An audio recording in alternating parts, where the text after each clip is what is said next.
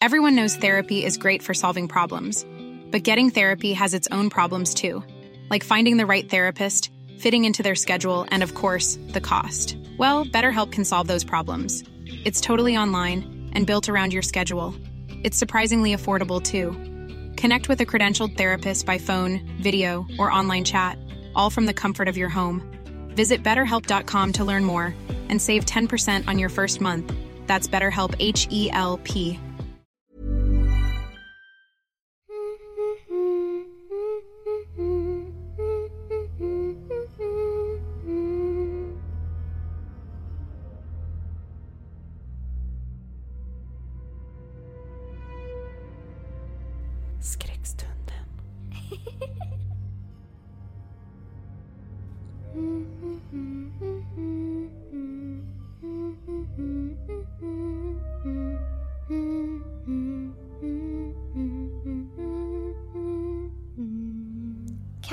you can.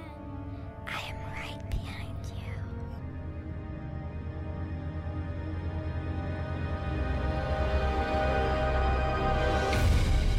Skräckstunden.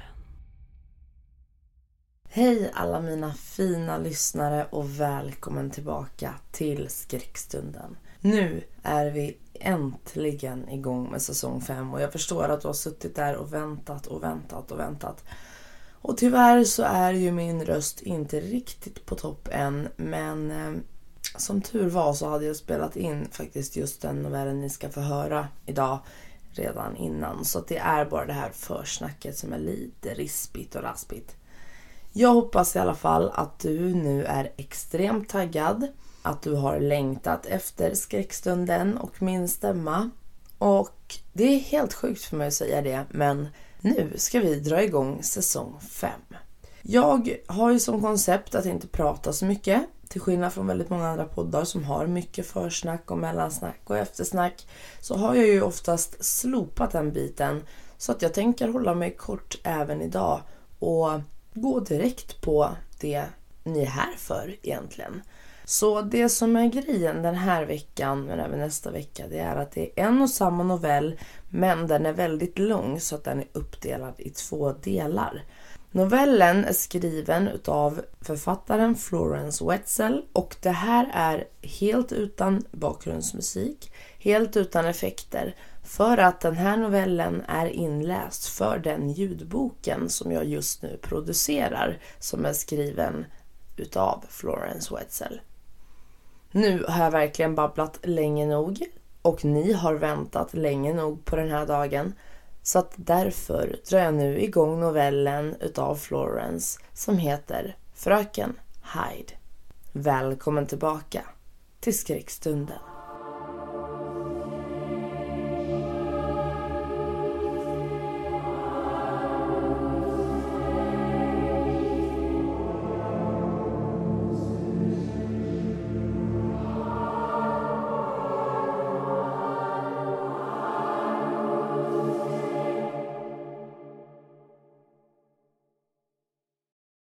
Fröken Hyde. Vi alkoholister är män och kvinnor som har förlorat förmågan att kontrollera vårt drickande. Vi är som människor som har förlorat sina ben. Det växer aldrig ut nya. Anonyma alkoholister, Stora boken. Första gången jag drack alkohol var på midsommar när jag var 15 år. Mina föräldrar var bortresta som vanligt och som vanligt firade jag hos en väns familj. Just efter att vi lekt äggstafett fick jag en öl av min väns bror. Jag smuttade på den och fyrverkerier blossade upp inom mig. Rädslan och otryggheten som jag burit hela mitt unga liv försvann med ett pang. För första gången någonsin kände jag mig hemma på jorden. Såklart slutade jag inte efter en öl. Alkohol var magi och jag ville ha mer. Så mycket som möjligt faktiskt. Den kvällen var första gången odjuret kom ut för att leka.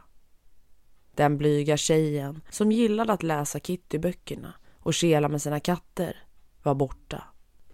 Jag dansade skamlöst, drog grova skämt och hånglade med ett par killar inklusive min väns bror och hennes pojkvän.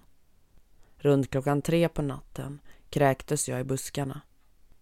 Nästa dag, eller nej, samma dag, vaknade jag på eftermiddagen. Sovrummet stank av spyan på golvet. Min fina vita klänning låg slängd i ett hörn med fläckar av rödvin och annat som jag inte ville tänka på. Huvudet bultade, magen var kass och jag skämdes över allt jag kunde och inte kunde minnas av kvällen innan. Jag längtade så efter att göra det igen. Min vän förfasades över mitt beteende. Hon ville att jag skulle lova att aldrig dricka igen. Istället för att lyssna på henne skaffade jag nya vänner. Tja, vänner och vänner. Mer suparkompisar. Det är de enklaste vännerna att skaffa. Det är bara att följa festen. De följande sju åren fortsatte jag att dricka intensivt. Under tiden skapade drickandet mängder med obehagliga konsekvenser och till sist hände något som skrämde mig ordentligt. Jag hade just tagit examen som grafiker och blivit kallad till en intervju på en tjusig reklambyrå. Natten före intervjun festade jag till klockan fyra och jag vaknade en timme efter att den skulle ha börjat. Eftersom jag inte var i skick att ringa någon slängde jag iväg ett mejl. Ursäkten jag gav var världens äldsta och sämsta. Matförgiftning. Ingen skrev tillbaka. Det var första gången jag förstod att mitt drickande var ett problem. När jag tog mod till mig och erkände sanningen för mamma var hon inte det minsta förvånad. Enligt henne hade hela min familj och alla mina vänner sett odjuret och alla var rädda för det. Det var då mamma föreslog att jag skulle gå på ett AA-möte, alltså anonyma alkoholister. Stockholm hade gott om AA-möten och mitt första ägde rum i ett församlingshem nära min lägenhet på Söder. Folk där var vänliga och någon gav mig till och med ett exemplar av Stora boken som var AA-programmets bibel. Kaffet var också bra. I början av mötet läste någon upp information om programmet. Det som fångade min uppmärksamhet var att det enda villkoret för att vara medlem i AA var en önskan, att sluta dricka. Det var då jag insåg att jag inte alls hade lust att sluta dricka. Jag ville bara slippa konsekvenserna. Efter mötet gick jag hem med en känsla av lättnad. Jag var inte som dem. Jag behövde bara vara försiktig och inte låta konsekvenserna ta över. Det fanns en massa små saker man kunde göra för att hålla drickandet i schack. Köpa en väckarklocka och ställa den innan vi gick ut och festade. Dricka vartannat glas vatten. Inte blanda sprit och öl. Bara festa på helger. Långhelger alltså. Inklusive torsdagar och söndagar. Man behövde planera lite. Det var allt. Morgonen efter AA-mötet ringde den tjusiga reklambyrån. De hoppades att jag mådde bättre och om det passade kunde jag komma förbi dagen efter. Jag fick jobbet. Konsekvenserna kom jag undan trots allt. Det kändes som ett tecken. En bekräftelse på att jag kunde fortsätta dricka. Odjuret var överlyckligt. Jobbet var allt jag hade drömt om. Inte bara själva arbetet utan jobbkulturen med många AVs, kickoffer och andra fester. Vi både jobbade hårt och unnade oss och jag kände mig som hemma där. Men trots att jag drack på jobbtillställningar var jag alltid noga med att lämna innan jag blev riktigt packad. Inte för att jag åkte hem. Istället gick jag ut på klubbar och då började kvällen på riktigt. Det var som om det fanns två personer inom mig. Den superduktiga unga kvinnan som kom till kontoret i flotta kläder och jobbade flitigt. Och odjuret som gick ner i Stockholms underjord i svart läder med djup urringning och utan några gränser alls. En morgon när jag kom ut från en klubb såg jag min chef springa förbi med sin löpargrupp. Hon såg på mig utan att känna igen mig. Som sagt, ett dubbelliv. Under nästan åtta år funkade den livsstilen. på sätt och vis. Jag kom till jobbet varje dag, även om jag ofta var tvungen att lägga huvudet på skrivbordet och sova eller rusa till toan för att kräkas. Jag blev till och med befordrad två gånger. Det kändes som om jag var oövervinnerlig. Naturligtvis var det inte hållbart för evigt. Den tjocka gränsen mellan jobbet och resten av livet blev gradvis tunnare. Odjuret kröp närmare och strax efter att jag hade fyllt 30 upplöstes gränsen helt och hållet. Det hände under en arbetsmiddag som övergått till en utekväll. Vi var ute med en särskilt jobbig kund och jag var trött och sur efter en tuff arbetsvecka. Istället för att lämna krogen när jag borde svepte jag några fler drinkar vilket ledde till att jag informerade kunden med mycket hög röst som nästan var ett skrik att han var en oduglig idiot. Han skrek tillbaka att jag var en pedantisk arbetsnarkoman. Vi stod tätt intill varandra och skränade ett tag. Sedan började vi plötsligt grovhångla. Framför alla mina kollegor, inklusive min skräckslagna chef. Och nämnde jag att kunden var gift och hade två barn. Dagen efter var baksmällan episk och skammen ännu större. När jag slank in på kontoret hittade jag en lapp på bordet. Chefen ville träffas på en gång. Inte särskilt överraskande. Det som förvånade mig var att hon inte var arg. Istället betraktade hon mig med medlidande och sa att hon ville prata med mig om mitt alkoholproblem. Jag blev helt paff när jag insåg att hon har vetat om det i många år. Hon hade till och med känt igen mig när hon sprang förbi mig med sin löpargrupp några år tidigare. En annan överraskning var att alla på jobbet kände till mitt drickande. Hur var det möjligt? Jag hade varit så noggrann med att dölja det för dem. Chefen sa att det var helt okej okay om jag ville sjukskriva mig och uppsöka ett behandlingshem. Ett annat alternativ var att gå på AA-möten.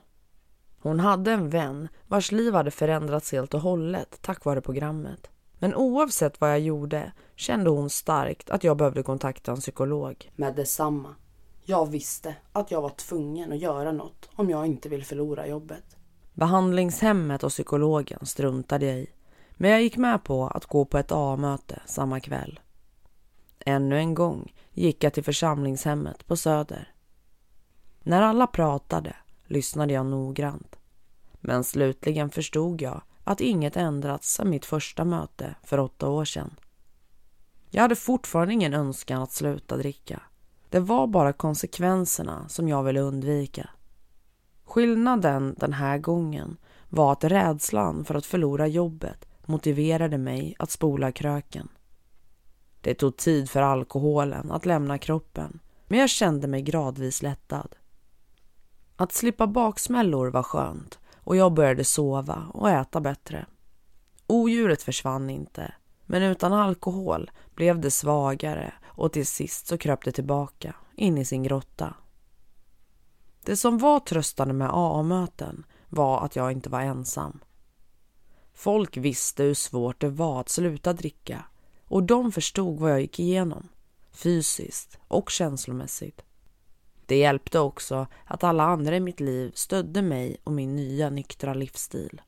Och jag menar alla. Mamma, styvpappa och lillebror. Vänner, kollegor, till och med grannarna. Folk började känna sig tillräckligt bekväma för att berätta för mig hur mycket mitt drickande påverkat dem. Det hade jag inte förstått och jag skämdes när jag insåg sanningen. I början var jag en duktig AA-medlem. Jag gick på ett möte varje dag, läste litteraturen, ringde folk i programmet för att prata om mina bekymmer. Visst behövde jag skaffa en sponsor och börja arbeta med programmets tolv steg. Men jag bestämde mig för att vänta tills jag kände mig starkare. Sen fick jag ett stort projekt på jobbet som varade några månader. Istället för att gå på sju möten i veckan drog jag ner det till ett par stycken. Det var runt den tiden när jag började känna mig irriterad under mötena. Ibland värmde allas medmänsklighet, men ibland kändes det kvävande. Värst av allt var att livet hade blivit tråkigt. När jag gick till mitt kvällsmöte kände jag mig avundsjuk på alla tjejer som var på väg ut i korta kjolar och stilettklackar.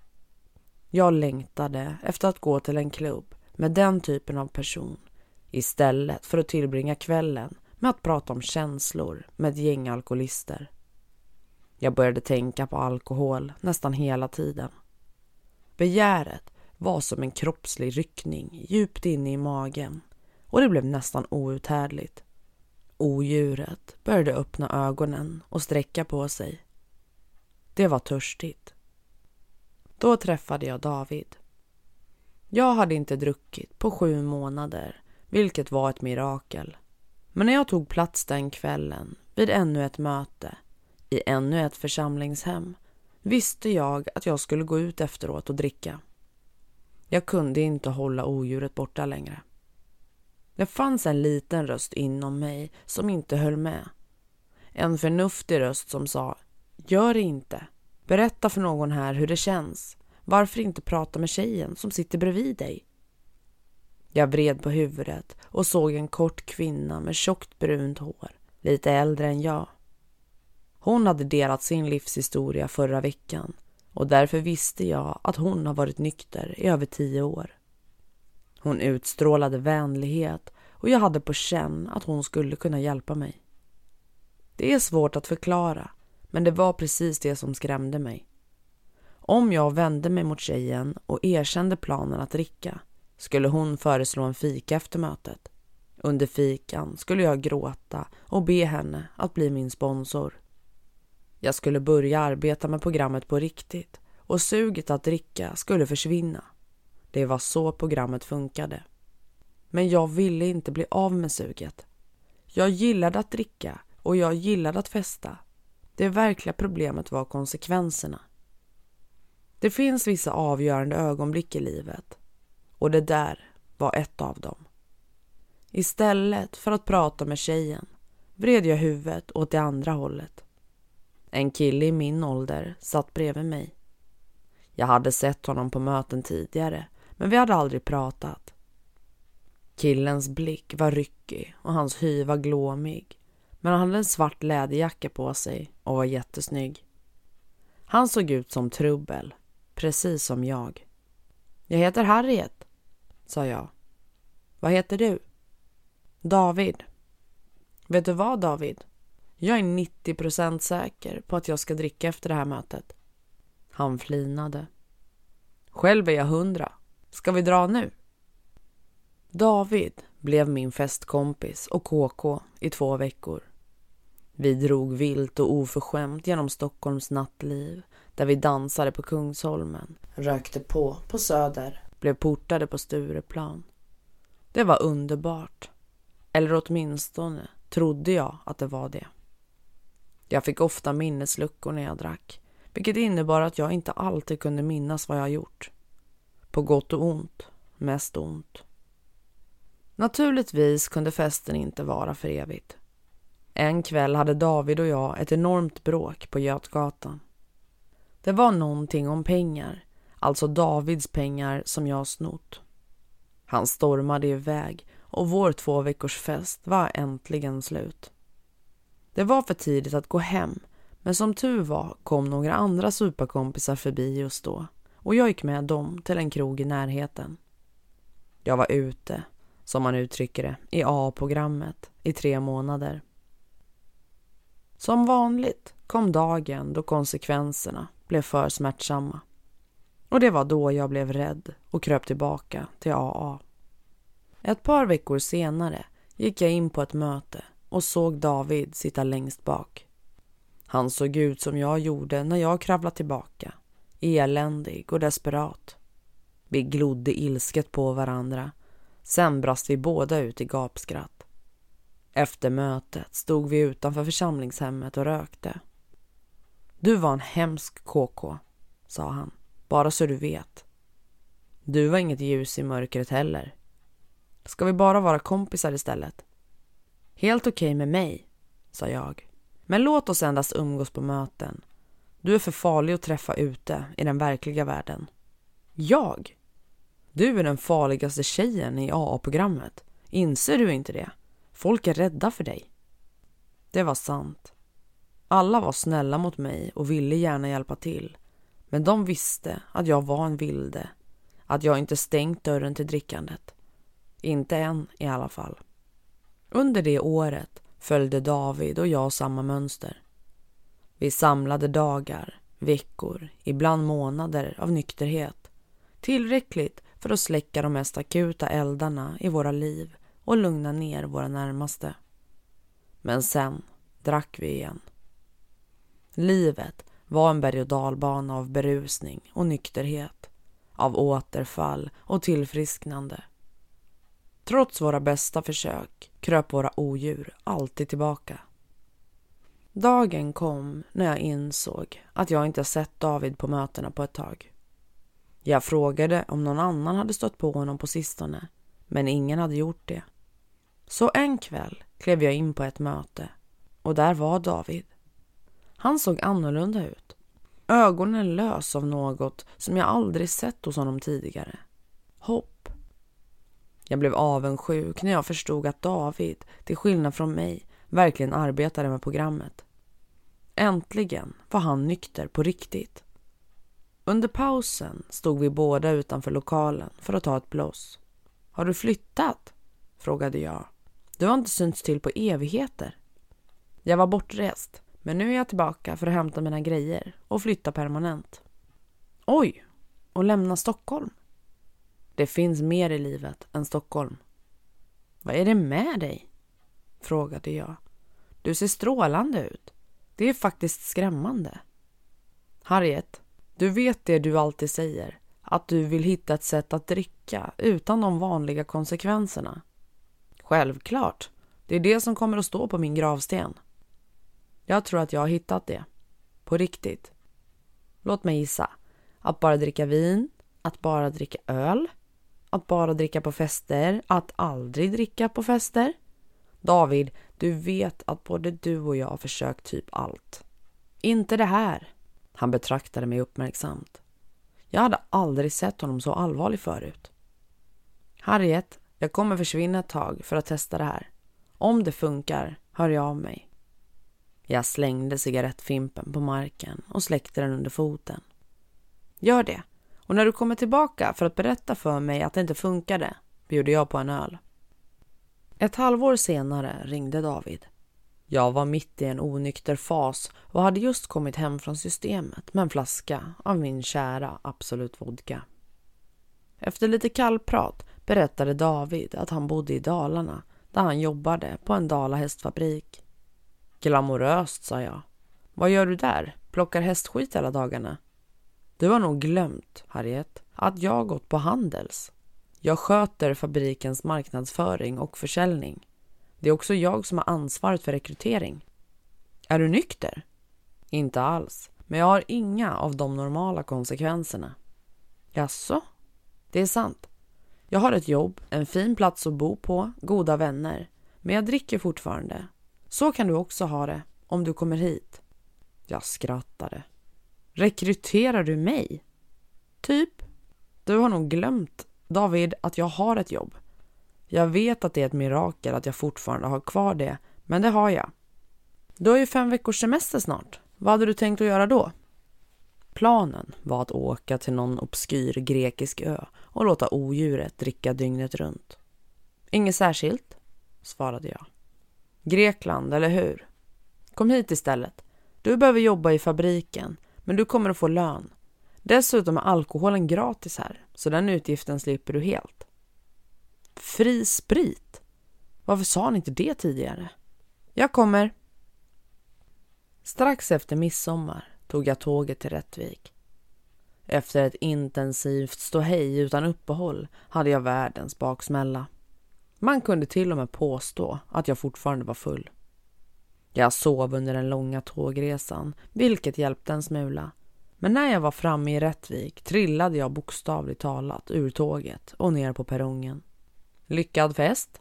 frågade David när han hjälpte mig att komma upp på fötterna. Det jag kan minnas av den.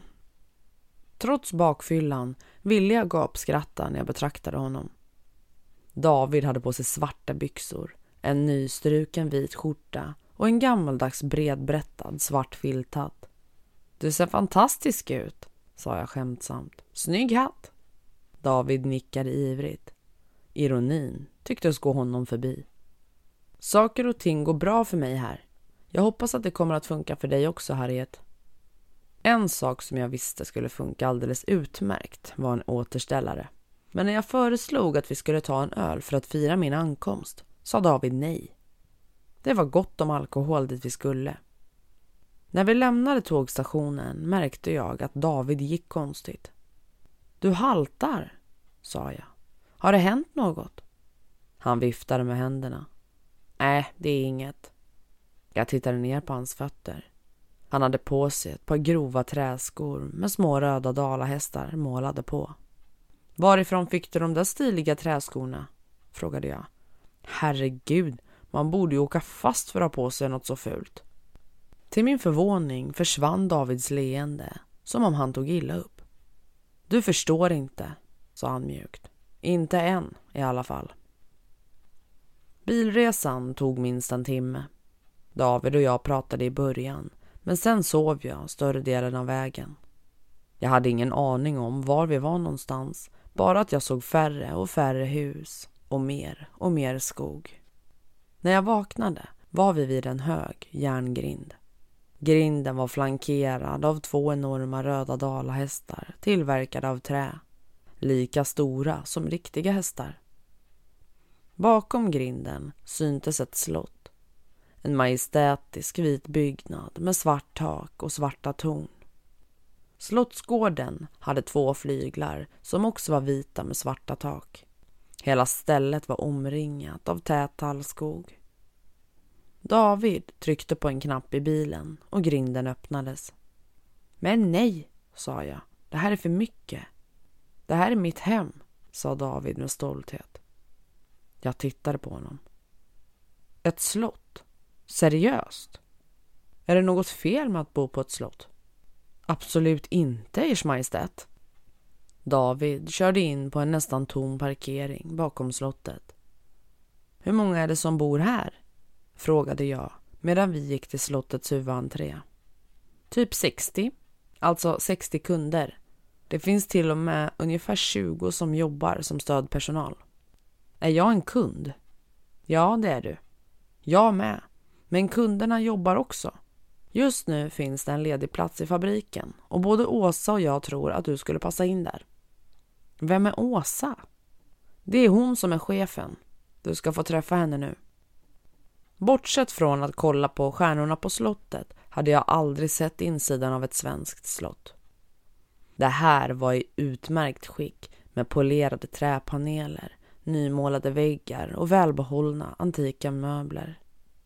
Det fanns en rund receptionsdisk i lobbyn. På varsin sida av den stod två dalahästar, stora som renar. Den ena målad i blått och den andra i guld. Bakom disken satt en mager ung kvinna med ett brett leende. Hon hade på sig en vit hetta och en gammaldags vit bomullstunika. Båda broderade med dalahästar. Jag hade bara varit där i fem minuter men dalahästgrejen gick mig redan på nerverna. För en svensk är dalahästar en del av livet sedan dagen man föds men innerst inne tyckte jag att de var lite kitschiga. Välkommen, sa receptionisten till mig. Åsa väntar på dig på sitt kontor. Det är bara att stiga på. David öppnade dörren bredvid disken och gestikulerade att jag skulle gå in först. När hade han blivit en sån gentleman? Bakom ett stort träskrivbord satt en vacker kvinna i sina bästa år. Även hon hade på sig en vit tunika med broderade dalahästar. Hennes ljusa hår var som en hjälm, tjockt och högt. Ingen hetta, men det fanns nog ingen hetta som var tillräckligt stor för den där frisyren. Hej Harriet, det är jag som är Åsa. Hon vände sig mot David. Gå till ditt kontor. Jag ringer när det är dags att visa Harriet hennes rum. Ta henne sen till matsalen för lunch. Absolut, sa David lydigt. Åsas kontor var helt vitt med dalahästar överallt. På skrivbordet, på hyllorna, på fönsterbrädorna och på soffbordet. Hon hade även en av de renlika hästarna i ett hörn, målad i fantastiska juveltoner. När jag satt där och tittade på alla hästarna ville jag fråga Åsa hur hon kunde jobba med så mycket gnäggande. Men jag hade på känn att hon inte var något fan av ironi, särskilt inte när det gällde dalahästar. Åsa var uppenbarligen inte mycket för kallprat heller. Inga frågor om mig, tågresan eller min uppenbara baksmälla. Hon berättade för mig att jag skulle jobba i fabriken sex dagar i veckan, nio till fem på vardagar och nio till tolv på lördagar. Efter det berättade hon för mig om slottets regler. Det sades att alkoholister var trotsiga, men jag trodde inte någon skulle ha gillat första regeln. Nämligen att man bara fick en timme i veckan med datorn och mobilen. Alla datorer och mobiler förvarades i ett låst skåp och man kunde bara använda dem i lobbyn när någon var vid disken. Jag var redo att åka tillbaka till tågstationen direkt. Fy fan, varför hade David inte sagt något om det här? Åsa förklarade att slottets lugna stämning skulle förstöras om folk höll på med sina mobiler och datorer hela tiden. Dessutom kunde man alltid använda telefonen i receptionen och varje rum hade en 40-tums platt-tv och Netflix. Men ändå, det här var grymt. Nästa grej var kläderna. Jag hade tänkt att Davids klädsel var ännu en av hans små egenheter och att Åsa och receptionisten hade tunikor på sig som en del av deras jobb. Men nej. Alla kvinnorna på slottet behövde klä sig i vit bomullstunika, svarta leggings och en vit hetta. Det kände som jag landat i ett avsnitt av The Handmaid's Tale. Sen pratade Åsa om tystnaden. Två sorters faktiskt. Först var jag tvungen att skriva under ett sekretesskontrakt där jag förband mig att inte prata om det som hände under min tid på slottet. Inga problem. Varför skulle jag berätta för någon om det här egendomliga stället? Det skulle vara pinsamt på så många nivåer. Jag skrev under utan att ens läsa igenom dokumentet. Det fanns också en regel om att vara tyst på riktigt. Man fick prata under lunchen och middagen, men inte under frukosten. Det var okej att prata när man jobbade, men bara om det nödvändiga. På kvällarna var det tillåtet att samlas i enskilda rum, men inte fler än fyra personer åt gången. Ingen hög musik eller andra högljudda aktiviteter. Det fanns ett stort bibliotek och där fick man även tillbringa kvällarna. Oj, jag hade svårt att tro att David, som var världens bullrigaste, klarade av det här. Men tydligen gjorde han det. En sak till, sa Åsa. På lördagskvällarna får ingen gå runt i slottet. Inga undantag. Men man kan fortfarande samlas precis som under de andra kvällarna. Man får gå till och vara med sex personer i ett rum. Sex var generöst. Det låter helt okej, okay, sa jag. David berättade för mig att du kunde bo här i fem veckor. Om du trivs här ska vi träffas när de fem veckorna är slut och tala om framtiden. Och om jag inte trivs? frågade jag. Vad händer om jag vill åka härifrån innan dess? Naturligtvis får man lämna slottet när som helst. Det är ju inget fängelse. På fritiden till exempel får man åka till byn. Om man kan ordna skjuts alltså. Hon såg mig rakt i ögonen. Vad säger du Harriet? Vill du pröva livet här? Jag suckade. Dödstrött och asbakis var jag. Och det sista jag ville var att göra en lång tågresa till. Visst, sa jag. Varför inte? Åsa öppnade en byrålåda och tog fram en nyckel och en vit hetta. Välkommen till slottet. David mötte mig utanför Åsas kontor. Jag började genast skälla ut honom. Han ruskade på huvudet och satte pekfingret för munnen. Inte här, viskade han. Vi kan prata när vi är framme i ditt rum. Jag blängde på honom. Tro inte att du kommer undan, fräste jag. Vi gick genom slottets breda korridorer. Trots mitt dåliga humör beundrade jag den smakfulla inredningen och de fina oljemålningarna. När vi gick förbi de stora fönstren tittade jag ut över slottets ägor. Det såg ut som om grusvägen var det enda sättet att ta sig därifrån. Alltså om man inte ville vandra genom tät skog i dagar. Sen gick vi upp för trapporna till andra våningen. Mitt rum var supermysigt med en väldig säng och en stor platt-tv på väggen. Det fanns även två höga fönster som vette mot skogen. Badrummet var stort med ett lyxigt badkar och dyra badprodukter. Föga förvånande fanns det dalahästar överallt. Röda hästar broderades på filten och gardinerna och trähästar i olika färger stod på hyllorna och nattduksbordet. David och jag satte oss på sängen. Med en arg viskning berättade jag för honom exakt vad jag tyckte om alla regler och det faktum att han inte har sagt något om dem tidigare. Han lyssnade med blicken fäst på golvet. När jag var klar såg han på mig, hans ögon vidöppna och förstående. Så kände jag också i början, sa han. Du kommer att ändra dig när du har varit i rummet. Vad då rummet? Det är där man dricker. Jaha, finns det dalahästar där också? Är det något fel med dalahästar? Jag har inget emot dem, men måste de vara precis överallt? David tittade chockerat på mig. Dalahästarna som tillverkas här är berömda över hela Sverige. Vi är väldigt stolta över dem. Jag la huvudet på sned. David var som jag, en cynisk stadsrotta. Att höra honom förklara sin kärlek till dalahästar var mer oroande än alla andra konstigheter jag sett hittills. Skulle det hända mig också om jag bodde på slottet? Det här var mer än att vara medelsvensson, vilket var något som både David och jag alltid hade föraktat. Det här var blåögt, hjärntvättat. Hela stället var läskigt och jag ville sticka på en gång. Men jag var nyfiken på det David sagt om att dricka utan konsekvenser och utan att betala. En vecka, sa jag till mig själv. Jag stannar en vecka, sen drar jag. Åh, om jag bara hade lämnat slottet då. Som vanligt var det odjuret och dess girighet som styrde mig. Dessvärre. Matsalen var på bottenvåningen.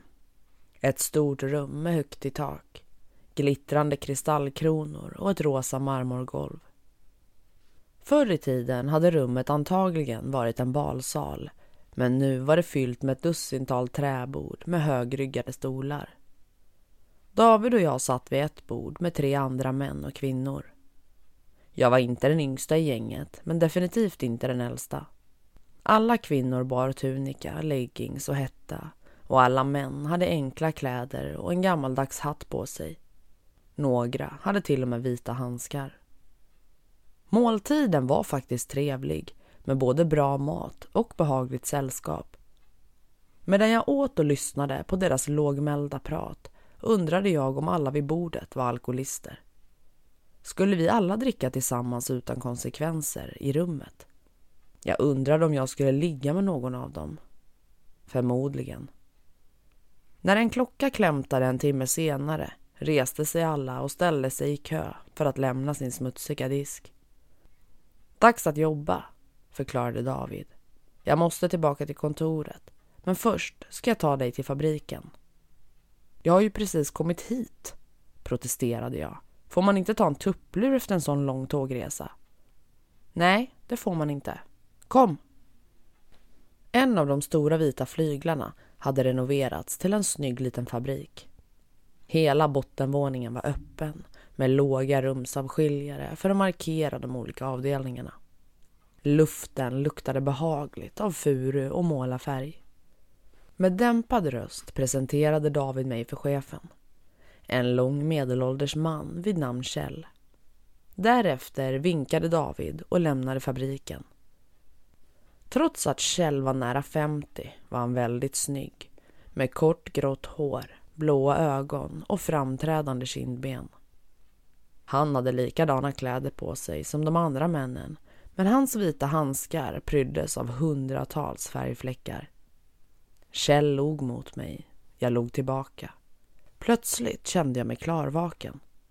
Har du någonsin varit i en dalahästfabrik förut? frågade han. Flera sarkastiska kommentarer flög till läpparna.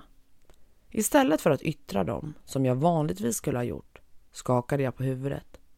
Nej, det har jag inte. Det är en magisk liten värld. Röker du? Ja, men såklart. Here's a cool fact. A crocodile can't stick out its tongue. Another cool fact, you can get short-term health insurance for a month or just under a year in some states. United Healthcare short term insurance plans are designed for people who are between jobs, coming off their parents' plan, or turning a side hustle into a full time gig. Underwritten by Golden Rule Insurance Company, they offer flexible, budget friendly coverage with access to a nationwide network of doctors and hospitals. Get more cool facts about United Healthcare short term plans at uh1.com. Hiring for your small business? If you're not looking for professionals on LinkedIn, you're looking in the wrong place. That's like looking for your car keys in a fish tank. LinkedIn helps you hire professionals you can't find anywhere else, even those who aren't actively searching for a new job but might be open to the perfect role. In a given month, over 70% of LinkedIn users don't even visit other leading job sites. So start looking in the right place. With LinkedIn, you can hire professionals like a professional. Post your free job on linkedin.com slash people today. Kom. Kjell gick framför mig. Hans gång var också egendomlig.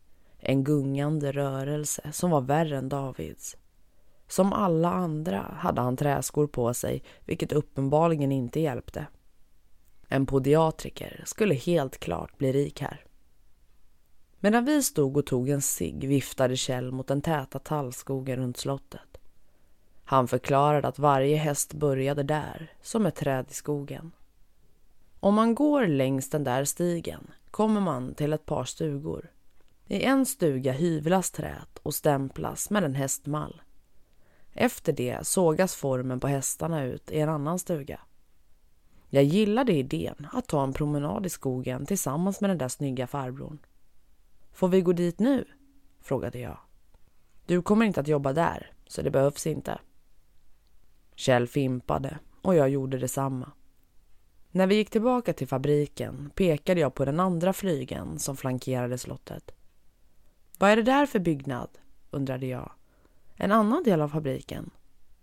Man går inte dit, sa han kort. När någon sa åt mig att inte göra något ville jag omedelbart göra just det.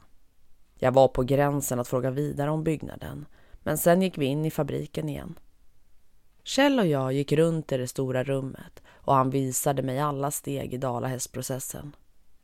Jag såg täljarna som använde moraknivar för att få hästformerna att komma fram ur det gula träet. Ett par bord där hästarna slipades med sandpapper och stora baljor där hästarna fick två lager grundfärg.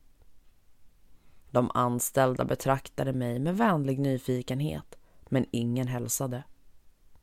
Utom täljarnas skrapande ljud och träbitarnas skvalpande i färgbaljorna var fabriken dödstyst. Första våningen var också öppen med enorma fönster som fyllde rummet med starkt solljus. En vägg hade inbyggda hyllor med hundratals små flaskor med färg, alla prydligt ordnade. Det fanns också två rader med små bord och vid vartenda bord satt någon som målade en liten häst. Kjell förklarade för mig att varje häst målades för hand i det karikaristiska mönstret som kallades för kurbits.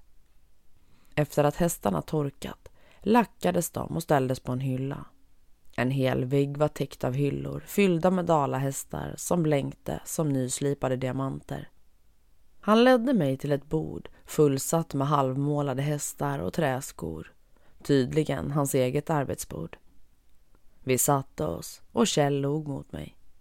Gud vad han var snygg. Den här fabriken fokuserar på kvalitet, inte kvantitet, sa han. Vi är ett litet ställe men våra hästar säljs över hela Sverige.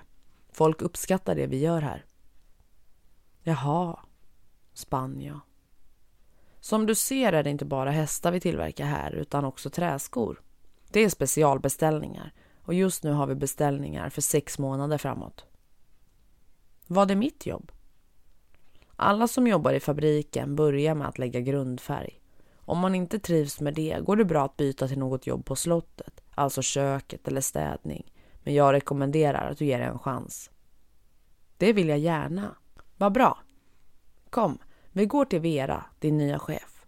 Hon har varit här i två år och hon kan allt om din avdelning. Vi gick ner till bottenvåningen och tillbaka till sektionen med färgbaljorna. Vera, sa Kjell. Det här är Harriet. Hon kommer att jobba med oss i fem veckor, kanske längre. Vera var hälften porslinsdocka, hälften punkrockare. Hon var smal och blek med rakt rött hår, minst sex silverörhängen i vardera öra och ungefär en tub eyeliner runt varje öga. Hon var cirka 25 år gammal men den hårda glimten i hennes blåa ögon fick henne att se mycket äldre ut. Kjell klappade mig uppmuntrande på axeln och gick sin väg. Vera gav mig plasthandskar och ett förkläde med en broderad dalahäst. När jag tog på dem förklarade Vera med låg röst att de flesta fabriker gjorde det här steget snabbt med ett flertal hästar i baljan samtidigt. Vår filosofi är att göra en häst i taget, sa hon. Målet är att röra vid hästarna så mycket som möjligt. Det hjälper dem att bli varmare och mer levande. Jag nickade och låtsades som att jag inte tyckte att hon var skogstokig. Herregud, en dalahäst var väl en bit trä med färg som kostade alldeles för mycket. Alla visste det, utom uppenbarligen de som jobbade här. Arbetet var så mekaniskt att jag kunde ha gjort det i sömnen.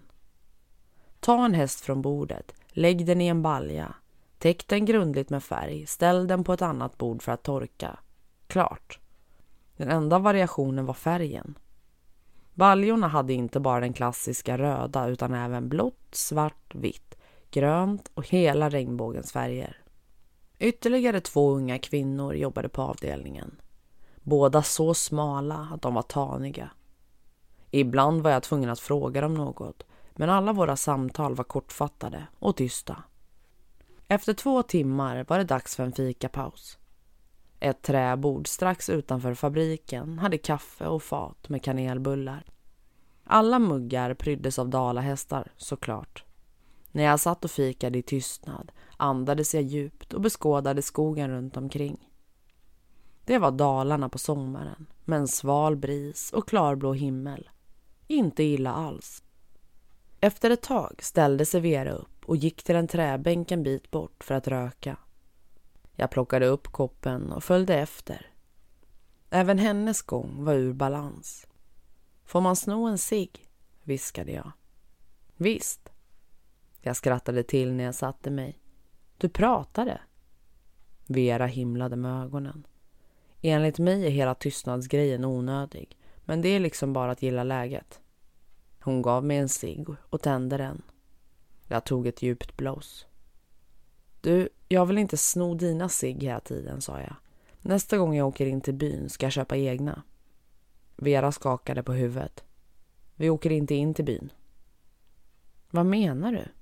Åsa sa att man får åka dit på fritiden. Visst får man, men ingen vill det. Dessutom är det bara att gå till receptionen och be om sig. Om de inte har ens favoritmärke köper de in det till en. Jag höjde på ögonbrynen. Gratis sig? Lönen här är inte så hög så man kan se det som en del av ersättningen. David sa att det finns gratis alkohol också.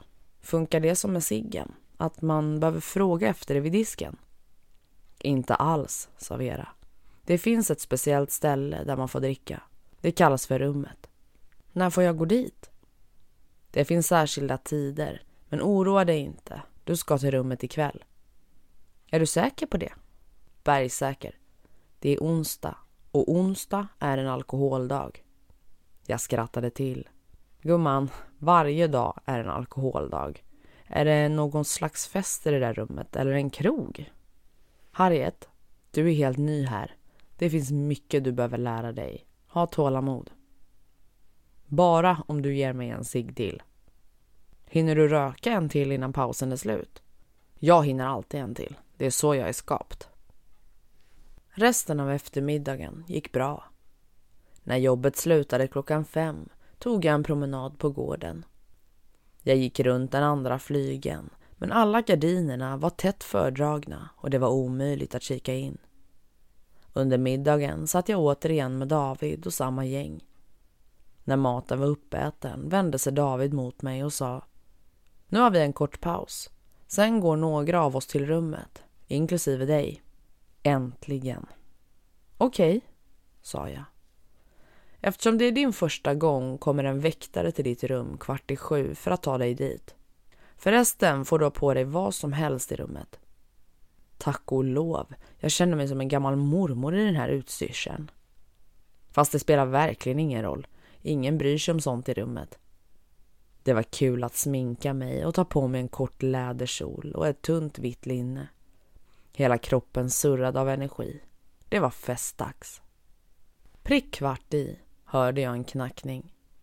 Jag hoppade till och öppnade dörren. En kort kraftig man i väktaruniform stod framför mig med en allvarlig min. Kom, sa han. Det är dags. Vi gick ner för slottets breda trappa som var täckt med en fin blomstermönstrad matta. När vi gick berättade väktaren för mig om rummet och dess regler. Han pratade grovt dalmål, vilket var ganska charmigt. Jag frågade honom några personliga frågor, men han var gravallvarlig och inte intresserad av att flirta. Du och alla andra får tre timmar i rummet, sa han. Inte en minut till. När klockan ringer är det dags att gå. Mest för att reta upp honom sa jag Ibland tuppar jag av när jag dricker. Får jag sova där? I så fall bär vi ut dig. Som sagt, när klockan ringer måste alla lämna rummet omedelbart. Även om man är mitt i en drink eller ett ligg. Får man ligga där? frågar jag ivrigt. Det finns enskilda rum för det syftet. Så var det inte i början. Men när vi förstod att det var omöjligt att stoppa folk verkade det bättre att ge dem en privat plats. Att fylleligga är tydligen en grej ni alkoholister tycker om. Det här rummet lät bättre och bättre. Om du inte är alkoholist, sa jag, varför är du här? Jag är stödpersonal. Jaha, är du... En annan regel är att ingen får använda rummet på dagtid. Varför inte? Av erfarenhet vet vi att rummet bara funkar tre timmar om dagen. Efter det behöver rummet vara tomt ett tag. Antagligen för att återhämta sig på något sätt. Så snart han sagt det undrade jag om det var möjligt att kringgå regeln. Det syntes nog på mitt ansikte eftersom väktaren betraktade mig misstänksamt. Det är faktiskt farligt att vara i rummet under timmarna när det återhämtar sig. Det är därför rummet alltid är bevakat. Man kan inte smyga in, så släpp den idén. Med min mest oskyldiga min tittade jag på honom. Jag skulle aldrig göra det. Han ruskade på huvudet. Spela inte dum. Jag har jobbat med alkoholister i många år nu och jag vet hur sluga ni är. Vi kom fram till bottenvåningen, nära receptionsdisken. Väktaren ledde mig förbi en enorm trägarderob. På andra sidan garderoben fanns en djup alkov med en dörr som var omöjlig att se ifrån lobbyn. En annan väktare satt framför dörren, bakom ett litet bord. Männen nickade åt varandra och väktaren bakom bordet tryckte på en knapp. Dörren öppnades. Vi gick ner för en lång stentrappa. Sen kom vi in i en labyrint av korta korridorer. Väktaren behövde inte oroa sig för att jag skulle ta mig dit på dagtid eftersom jag aldrig skulle kunna komma ihåg vägen. Dessutom ville jag helst inte vara ensam i en sån obehaglig källare. Inte för att källaren var mörk och smutsig, snarare på grund av det oändliga lysrör som gjorde de vita väggarna så bländande att de verkade flimra. Det såg ut som ett mentalsjukhus. Äntligen kom vi fram till en vanlig dörr med en annan väktare bakom ett annat skrivbord. På bordet låg ett papper med en namnlista. Min väktare angav mitt namn och den andra nickade och bockade av det. Han tryckte på en knapp och det hördes ett skarpt klick. Min väktare öppnade dörren. Varsågod. Nästa morgon vaknade jag i mitt rum. Det var dagens första mirakel. Ofta efter en fyllekväll befann jag mig på en främmande plats. Ibland i en främmande säng. Men inte den morgonen. Jag var i min egen säng. Skogen utanför fönstren glittrade av dagg och morgonljuset lekte på raden av färgglada dalahästar i bokhyllorna. Jag sträckte på mig och gnuggade mig i ögonen. Mirakel nummer två var att jag mådde underbart. Ingen bakfylla. Huvudet var klart, magen var stabil och jag hade varken dålig andedräkt eller skakiga händer. Jag kände mig lugn och avslappnad, som om jag fått den bästa nattsömnen någonsin. Sen granskade jag kroppen. Inte ett enda blåmärke eller blodspår. När jag var berusad ramlade jag ofta omkull eller slog i huvudet på något sätt. Men nej, jag var alldeles oskadd. Och golvet? Hade jag kräkts innan jag la mig eller någon gång under natten? Tydligen inte. Golvet var fläckfritt och allt luktade fräscht. Ytterligare ett mirakel var att jag mindes allt som hänt kvällen innan. Alla minnen var intakta, utan de vanliga svarta luckorna då vad som helst kunde ha hänt. I rummet hade jag betett mig som jag alltid gjorde när jag var full, men det var som om alla minnen var inlindade i bomull. Ingen skam, ingen ångest, ingen ånger. Rummet var en krog mer eller mindre, med en bardisk i mahogny, mysiga soffgrupper och en liten scen med en karaokemaskin. Inredningen var smakfull, belysningen dämpad och diskret. Bardisken hade tre bartendrar, nämligen Vera och de två smala tjejerna från vår avdelning. Det fanns ett stort utbud av alkohol. Allt från bubbel till hembränt. Inga pengar behövdes och man kunde gå till bardisken så ofta man ville. Det var varje alkoholists dröm. Trots att alla använde uttrycket rummet var det egentligen mer än bara ett rum. En välvd dörröppning ledde till en lång korridor med två toaletter och ett halvdussin rum. Alla utrustade som hotellrum med sängar och tv. Jag använde aldrig den rostfria svängdörren bakom bardisken men den ledde förmodligen till ett kök. Jag mindes att jag stod vid bardisken och skrattade med de andra. Jag dansade bugg med en kille som jobbade på Dalahästfabriken. Jag stod på scenen och sjöng I love it av Icona Pop med en tjej från köket som jag senare hånglade med. Jag satt i soffan med de andra och drog grova skämt eftersom jag var ohyfsad när jag drack. Jag härmade en killes läspande eftersom jag ofta var elak när jag drack. Och jag gick in i ett rum och knullade David. Sen gick jag tillbaka en halvtimme senare med Kjell. Jag såg Kjell hångla med en annan tjej från fabriken och blev så svartsjuk att jag kastade en drink i hennes ansikte. Odjuret kom ut och lekte, med andra ord. Mest mindes jag att jag drack. Hur mycket jag ville, utan att betala ett öre. När jag tog min morgondusch undrade jag hur det skulle vara under frukosten och på jobbet. Jag mådde utmärkt, men hur skulle det gå med de andra? Särskilt de jag hade haft att göra med kvällen innan, på ett eller annat sätt. Folk slutade ofta umgås med mig efter att de sett odjuret. Kanske var det därför man inte fick prata under frukosten. I matsalen satte jag mig vid det vanliga bordet med David och de andra. På bakfyllemorgnarna blev det antingen en kopp svart kaffe eller en massa skräpmat från Donken. Den morgonen åt jag gröt med bär, nötter och havremjölk, precis som en ansvarig vuxen. Ingen pratade såklart, men ingen blängde på mig eller stirrade med sorgsen min. Tvärtom. Stämningen var på topp med många leenden, blinkningar och axelklappningar. När David ställde sig upp med sin smutsiga bricka följde jag efter honom. Så snart han lämnat matsalen gled jag upp bredvid honom. David, viskade jag. Jag vill snacka om igår kväll. Han log. Visst var det underbart? Hur mår du idag? Fantastiskt. Bättre än någonsin. Det gläder mig att höra. Jag hoppas att du stannar, Harriet. Det var kul att ha dig i rummet. Vilket mirakel det är. Men berätta, hur funkar rummet egentligen? David höll upp en hand för att tysta mig. Den som försöker förstå hur rummet funkar är som en guldfisk som försöker lista ut hur en bankomat funkar. Men vi människor har inte förmågan att förstå sånt. Det är bara att acceptera och njuta. Kan du åtminstone säga vem som upptäckte det? En familj flyttade in på slottet för ungefär 50 år sedan. Pappan var alkoholist och han ville hitta en plats där han kunde dricka i fred utan att hans familj skulle upptäcka det. Det var då han hittade rummet i källaren. Bor han här fortfarande?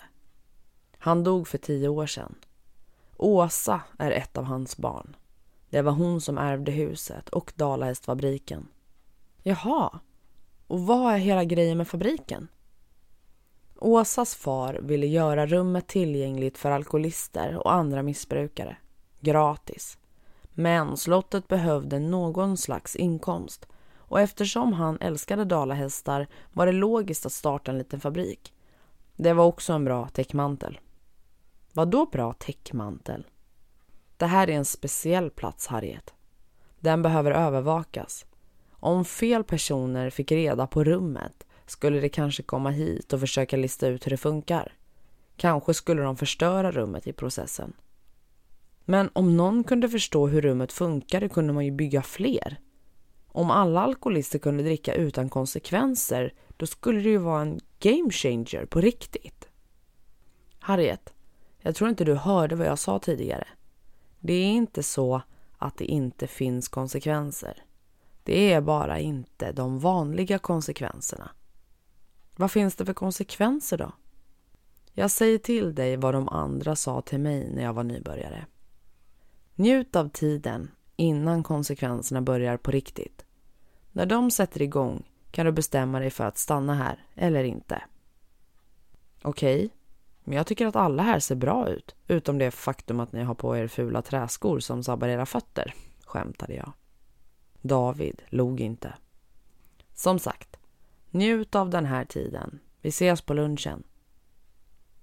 Arbetspasset i fabriken gick bra. Vad skönt att jobba utan att vara bakfull. Hur många morgnar hade jag inte suttit på jobbet i Stockholm och kämpat mot huvudvärk och illamående medan jag låtsades arbeta. Inte den här morgonen.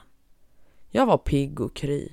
Så glad att jag nynnade för mig själv ända tills Kjell fångade min blick och skakade på huvudet.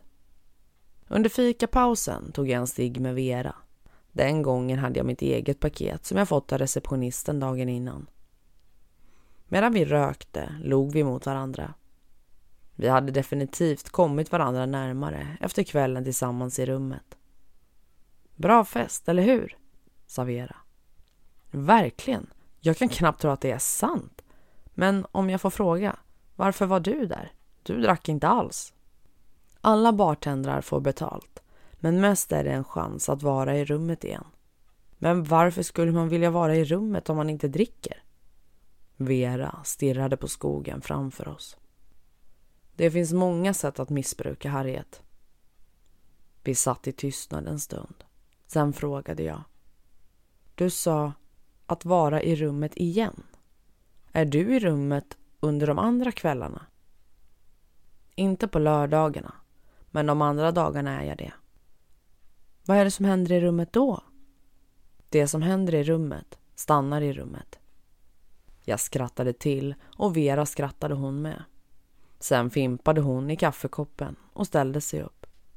Du kommer att förstå allt så småningom. Kom, hästarna väntar. Jag tillbringade den kvällen i slottets fina bibliotek. David hade bjudit in mig till sitt rum för att kolla på en film, men jag ville vara ensam. Att läsa i lugn och ro i en läderfåtölj med en kopp te passade mig perfekt. Trots alla mina år som festtjej var jag innerst inne en ensam varg och ganska blyg av mig. Jag har alltid trott att de flesta alkoholister är blyga i själ och hjärta. Nästa kväll, alltså fredagskvällen, var jag i rummet igen. Det gick lika bra som första kvällen.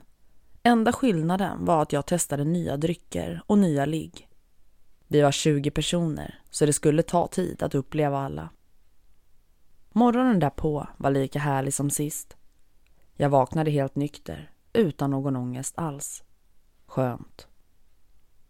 När arbetspasset var klart föreslog Vera att vi skulle kolla på en film i hennes rum den kvällen. Jag tvekade ett ögonblick, men sen tackade jag ja.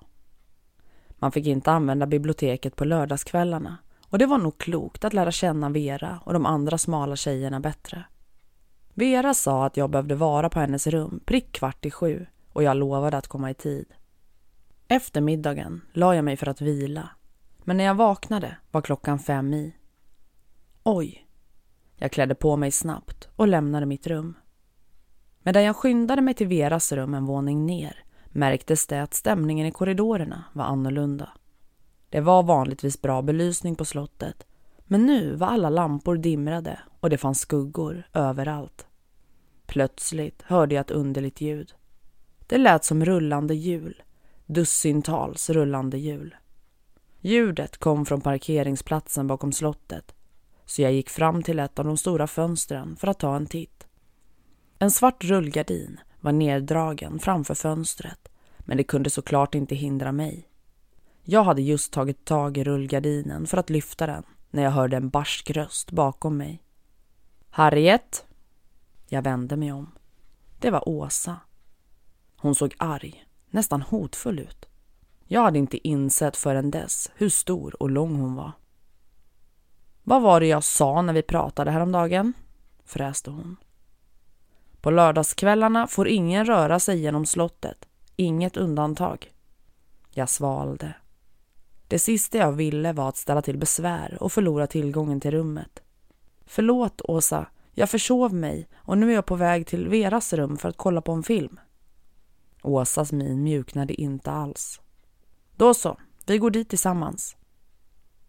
Hon gick så snabbt att jag hade svårt att hänga med. När vi kom fram till Veras rum knackade Åsa hårt. Vera öppnade dörren på en gång. Hennes ansikte blekare än vanligt. Jag kunde se de smala tjejerna sitta i sängen och kolla på en film som visades på en platt-tv. Vera, sa Åsa. Jag hittade Harriet i korridorerna. Var snäll och förklara för henne hur viktigt det är för alla att vara på plats prick kvart i sju på lördagskvällarna. Ska bli. Tack Åsa. Vera stängde dörren. Sen tittade hon på mig med uppspärrade ögon. Vad hände? frågade hon. Du har tur som fortfarande är här och inte på väg till tågstationen. Förlåt, jag försov mig. Du är helt ny. Sånt händer. Men det får inte hända igen, det förstår du väl? Jag fattar. Men Vera, jag hörde något konstigt från gården. Det lät som om dussintals små hjul rullade där ute. Har du någon aning om vad det handlade om? Tänk inte på det nu. Kom, vi kollar på hundtricket. Hur länge ska vi vara inlåsta? Tre och en halv timme. Men säg inte att vi är inlåsta, det låter otrevligt. Det är mer som att vi myser. Jaha, myser. Så är det på slottet på lördagskvällarna. Det är bara att gilla läget. Kvällen var egentligen ganska trevlig. Men den natten drömde jag att jag jagades genom en spökskog av en armé av enorma rullande dalahästar. Jag vaknade mitt i natten, svettig och illamående. Det dröjde länge innan jag kunde somna om. Efter ett par veckor hade jag vant mig vid den nya rutinen. Jobba i fabriken på dagarna, besöka rummet tre kvällar i veckan, läsa i biblioteket under de andra kvällarna och kolla på film i Veras rum på lördagarna. Då och då mindes jag min första lördagskväll på slottet och ljudet av rullande hjul. Minnet bleknade gradvis och till sist kändes det inte längre viktigt. Jag började hålla med om det som David sagt om guldfiskar och bankomater. Man behöver inte förstå hur saker och ting funkar för att njuta av dem. Mot slutet av mina fem veckor visste jag att jag inte ville åka därifrån. Jag pratade om det med David, Kjell och Vera. De tyckte att jag passade in på slottet och alla ville verkligen att jag skulle stanna. En morgon efter frukosten gick jag till receptionen och bokade ett möte med Åsa. Två timmar senare befann jag mig på hennes vita kontor. Åsa fixade kaffe till oss med sin flotta Nespresso-maskin och vi satte oss i den vita soffgruppen med porslinskoppar dekorerade med dalahästar. Åsa log mot mig. Den skrämmande kvinnan jag hade träffat i korridoren den första lördagskvällen var som bortblåst. Vad glad jag blev när jag hörde att du bad om en pratstund, sa hon. Hur trivs du här? Jag gillar det här stället mycket. Det känns tryggt här och det har varit bra för mig. Att dricka utan att ställa till besvär för mig själv eller andra är en dröm som har gått i uppfyllelse. Åsa log. En uppfriskande grej med slottet var att man aldrig behövde låtsas som om man inte var alkoholist. Vad bra, sa hon. Det är det rummet kan ge folk. Men berätta, hur känns det under de andra kvällarna när du inte dricker? Det är klart, jag vill dricka varje dag. I rummet alltså. Men för tillfället trivs jag med biblioteket. Bra. Fast om du börjar känna dig olycklig eller uttråkad är det bara att prata med Kjell. Han kan ordna ett jobb åt dig i rummet under de andra kvällarna. Det är något vi gör för de som är uppskattade medlemmar av laget. Det var ett populärt begrepp som alla på slottet använde. Laget. Liksom många alkoholister brukade jag inte trivas i grupper. Men till min stora förvåning hade jag inget emot att vara en del av den här. Menar du att jag får stanna? Frågade jag hoppfullt. Harriet, du är välkommen att bo här så länge du vill. Hurra, vilken lättnad! Jag måste ringa till jobbet i Stockholm för att säga upp mig. Naturligtvis. Jag behöver även kontakta min rumskompis för att meddela att jag inte kommer tillbaka och jag behöver åka till Stockholm för att hämta mina grejer. Inte möbler, mest kläder och lite småsaker. David kan ordna det. Det ingår faktiskt i hans jobb att hjälpa andra att flytta in här. Lätt som en plätt, skämtade jag. Åsa log nästan. Ja, det är det. Det är så vi vill leva här, så bekymmerslöst som möjligt. Några dagar senare kom jag tillbaka till mitt rum och hittade mina grejer från Stockholm prydligt ordnade utanför dörren. Den kvällen satt jag i biblioteket och skrev brev till familjen och de få vänner jag fortfarande hade kvar. Jag berättade för dem att jag hade skaffat jobb på en dalahästfabrik och att det hälsosamma livet i Dalarna passade mig. Dessutom var drickandet äntligen under kontroll, vilket var sant, på sätt och vis. Jag bjöd in alla till slottet för att hälsa på, något som Åsa uppmuntrat. Ingen utomstående fick bo på slottet eller vara där på kvällarna. Men folk kunde bo på ett hotell i byn och besöka slottet för att äta i matsalen, gå på promenader i skogen eller ta en tur runt fabriken och köpa några dalahästar. Det var viktigt för mig att alla förstod att slottet inte var en sikt och att det inte fanns något att dölja. Utom rummet såklart. Slottet var exakt som sina kunder. Ordnat på ytan men med en vild plats dold inuti. Ingen kunde någonsin tro att slottet hade sitt eget odjur som bodde i djupet. Men det var ingen lögn att berätta för alla att livet på slottet var hälsosamt. Jag vaknade tidigt, duschade varje dag och höll mitt rum rent och snyggt. Det var ett stort nöje på morgnarna att ta på mig en ren tunika och en fräsch vit hetta. När jag betraktade mig själv i spegeln såg jag en frisk ung kvinna med pigga ögon och lugnt uttryck. En annan skön grej på slottet var tystnaden. Kanske låter det egendomligt, men jag hade börjat trivas med den. Det fanns inget stort behov att prata, det räckte att bara vara. Att äta, jobba, kolla på en film, gå till rummet när det var dags. Stämningen var fridfull. Det högljudda odjuret som ville dricka, bråka och ligga fanns ju fortfarande inom mig. Men nu var det begränsat till ett litet rum i en källare, tre kvällar i veckan. Odjuret skadade inte längre mig eller någon annan. Det var en sån lättnad.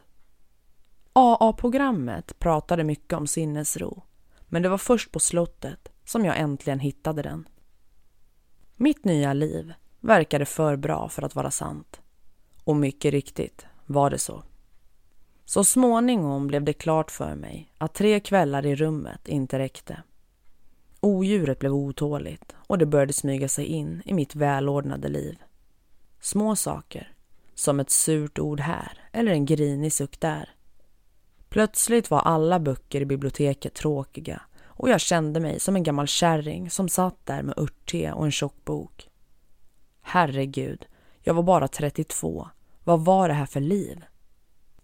Som det stod i AAs stora boken blev jag rastlös, lättirriterad och missnöjd. Jag kom ihåg vad Åsa hade sagt. Om jag började känna mig olycklig under de lediga kvällarna var det bara att prata med Kjell. Nästa gång jag såg honom ensam på rökbänken skyndade jag mig dit och satte mig bredvid honom. Jag vill till rummet oftare, sa jag. Kjell frågade inte varför, eftersom han redan visste varför. Jag var alkoholist och jag ville dricka mer. Punkt slut. Du har varit här ett tag nu, sa han, så jag kan förklara mer om hur det funkar.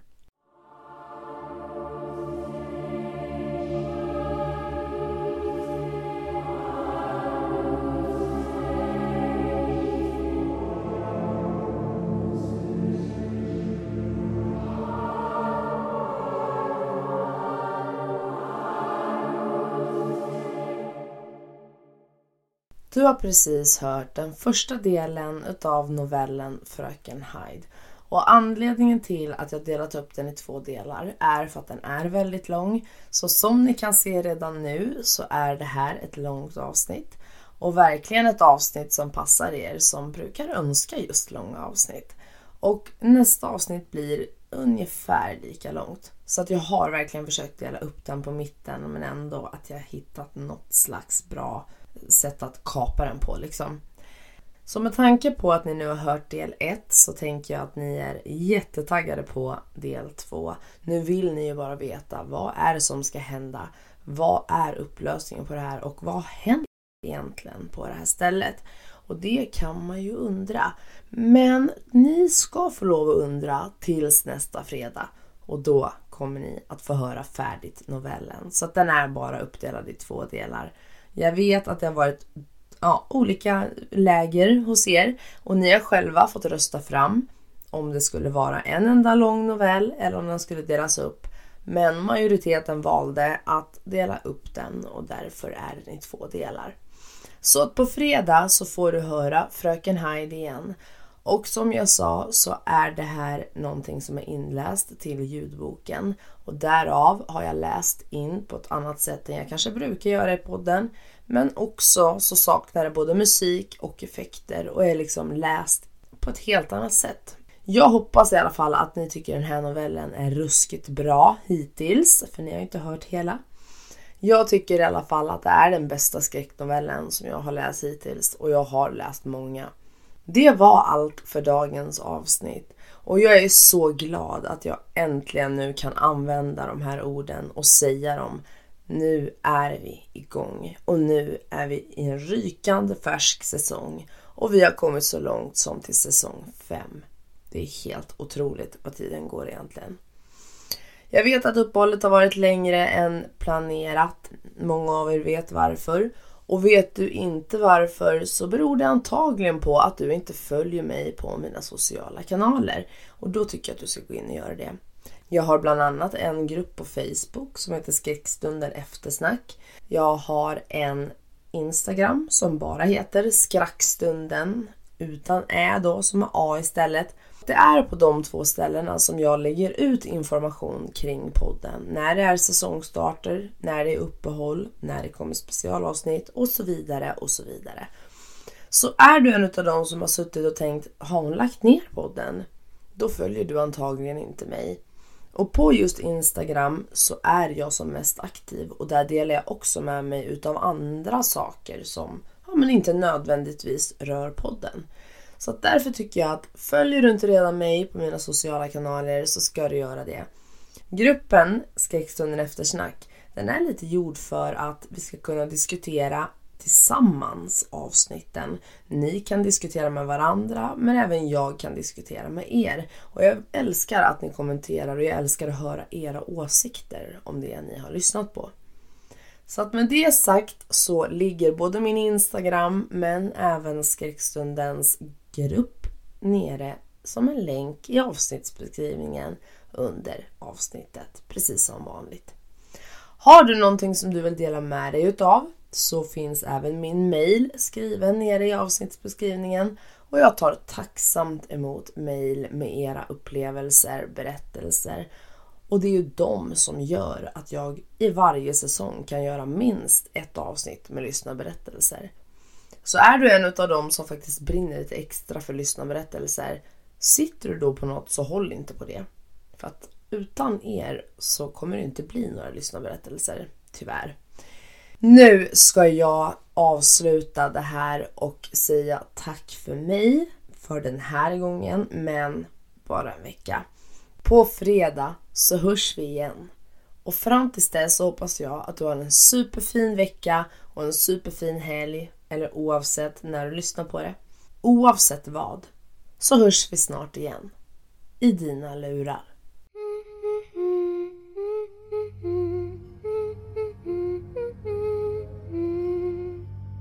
Du har lyssnat på Skräckstunden. En podcast som får ditt blod att frysa till is. Om du vågar så hörs vi snart igen. Catch me if you can. I am